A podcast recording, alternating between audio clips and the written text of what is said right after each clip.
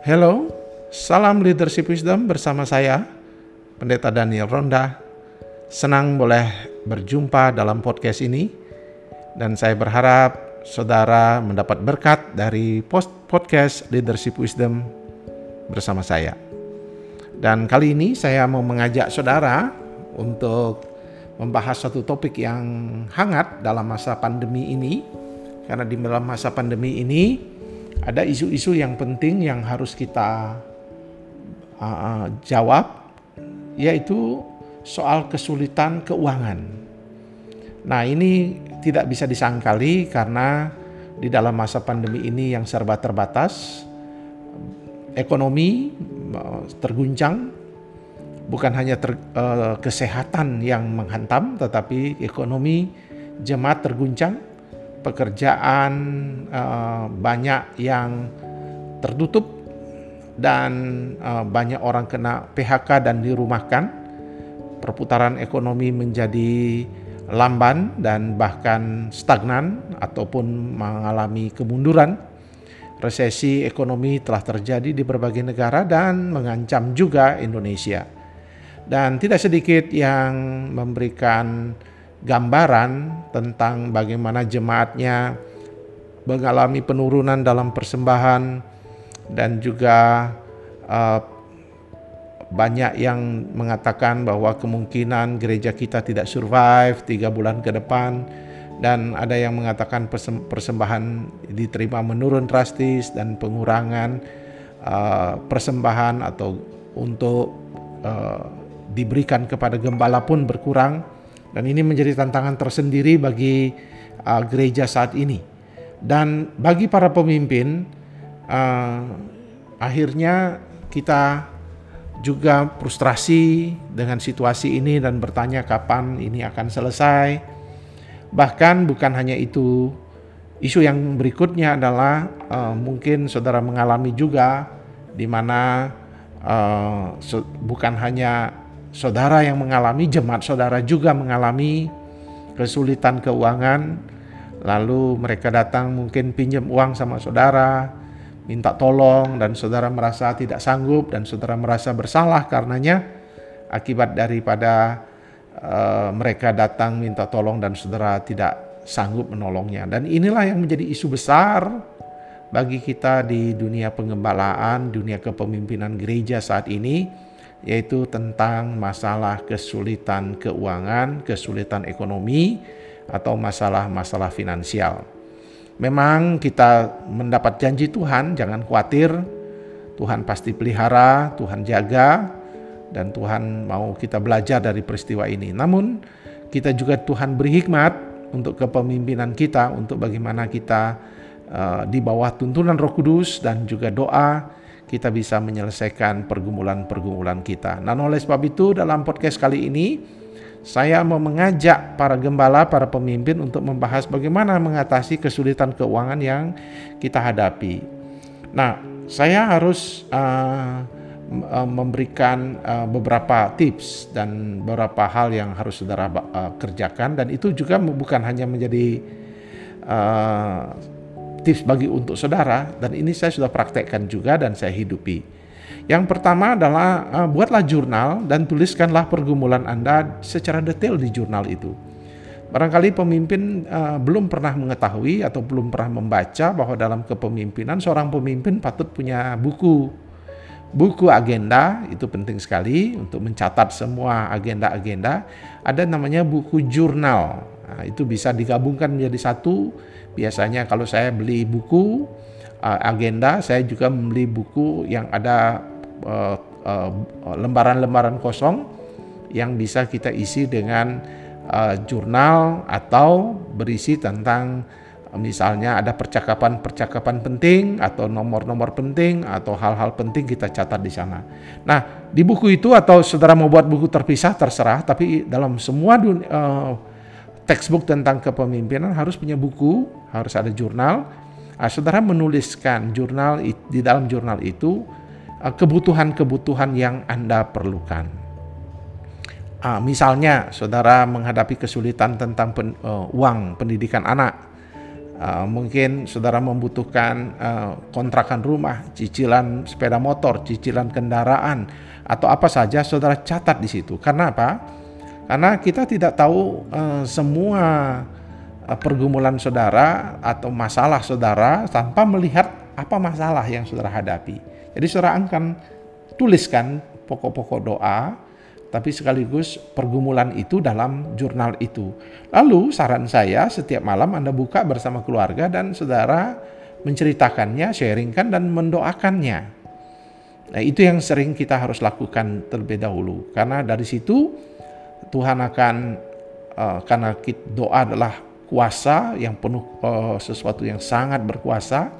Tetapi pada saat yang sama doa akan membuat kita sharing dan membuat kita diberi hikmat oleh Tuhan bagaimana jalan keluar yang kita akan ambil. Jadi jangan lupa menuliskan uh, pergumulan saudara dalam jurnal beban doa saudara, daftar kebutuhan-kebutuhan yang saudara butuhkan di dalam masa-masa pandemi ini. Yang kedua, saudara, uh, saudara melalui lihat daftar kebutuhan saudara itu setelah saudara tulis dalam bentuk doa, uh, misalnya saudara menulis ada lima atau ada sepuluh atau berapapun, lalu saudara coba uh, uh, memang harus tulis sebanyak-banyaknya apa semua apa saja yang menjadi rutinitas kebutuhan semuanya. Tetapi kemudian saudara harus pilih mana yang kasih tanda, mana yang urgen. Misalnya kasih kode merah, centang merah itu urgen atau kritikal sekali yang harus di, dikerja harus diselesaikan.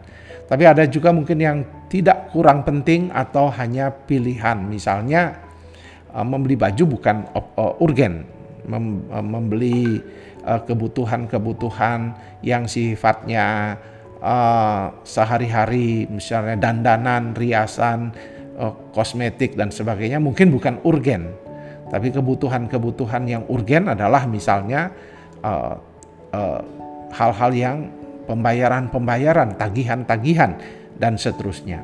Nah, itu kita harus mulai membuat kode mana yang urgen. Lalu yang ketiga, memang kita mau tidak mau kita harus ikut uh, prinsip uh, jangan lebih besar pasak daripada tiang. Itu prinsip yang diajarkan oleh orang tua kita. Peribahasa bahasa Indonesia yang berhikmat itu sebuah kiasan peribahasa yang menggambarkan kalau pasak daripada uh, atap itu lebih besar daripada tiang yang penyangganya, maka rubuhlah rumah itu. Dengan kata lain, jangan uh, pengeluaran lebih besar dari penerimaan. Jadi coba diolah sebegitu rupa. Kalau perlu turunkan standar kehidupan. Misalnya kalau saudara sering pesan GoFood, makanan, belanja, mulai memasak tanpa mengurangi kualitas hidup. Karena tentu tetap makanan bergizi dan jauh lebih murah ya jauh lebih hemat dan banyak sekali hemat kalau kita memasak sendiri. Jadi kita mulai menurunkan standar kehidupan, mulai mencek pakaian-pakaian kita mungkin terlalu banyak di di lemari yang belum pernah dipakai dan itu bisa dikembangkan apa dipakai kembali dan digunakan lagi sehingga Anda tidak perlu lagi membeli hal-hal yang bersifat pakaian dan seterusnya dan saudara mulai menurunkan hal-hal yang bersifat kebutuhan apalagi misalnya uh, bepergian dan sebagainya saudara bisa hindarkan. Yang berikutnya yang keempat adalah mulai mencari solusi untuk uh, mencari kerja tambahan. Nah, ini yang penting kalau saudara uh, di desa lebih mudah, kalau di daerah lebih mudah ada saudara bisa menanam, berkebun, beternak, pekerjaan tambahan. Ya ada teman mas, uh, alumni mahasiswa saya dulu bilang-bilang, wah pak saya memancing, saya berburu dan sebagainya. Itu sumber-sumber makanan yang sangat menghemat sekali. Di kota memang lebih susah, tapi saudara bisa mengembangkan kreativitas, belajar apa yang menjadi passion saudara, apa yang menjadi pergumulan saudara, apa yang menjadi minat saudara, coba dipikirkan tapi tanpa mengurangi makna pelayanan yang sedang dikerjakan. Kemudian jangan lupa bahwa saudara boleh men-sharingkan pergumulan saudara di media sosial, di Facebook. Tetapi ingat jangan minta. Izinkan orang lain uh, mengetahui pergumulan Anda dan mendoakan, tetapi jangan, bukan minta. Dan kalau Tuhan gerakkan orang-orang itu untuk menolong, izinkan mereka menolong dan ucapkan terima kasih. Kalau ada bantuan pemerintah, puji Tuhan. Eh, kita tidak menolak, Tuhan pakai itu semua alat untuk di tangan Tuhan untuk menolong kita, tapi kita tidak boleh menjadi pengemis, kita tidak boleh menjadi peminta-minta. Yang kelima, yang terakhir, kita harus selalu bersyukur kepada Tuhan ya atas apa yang Tuhan berikan ya. Jangan kita ini penting.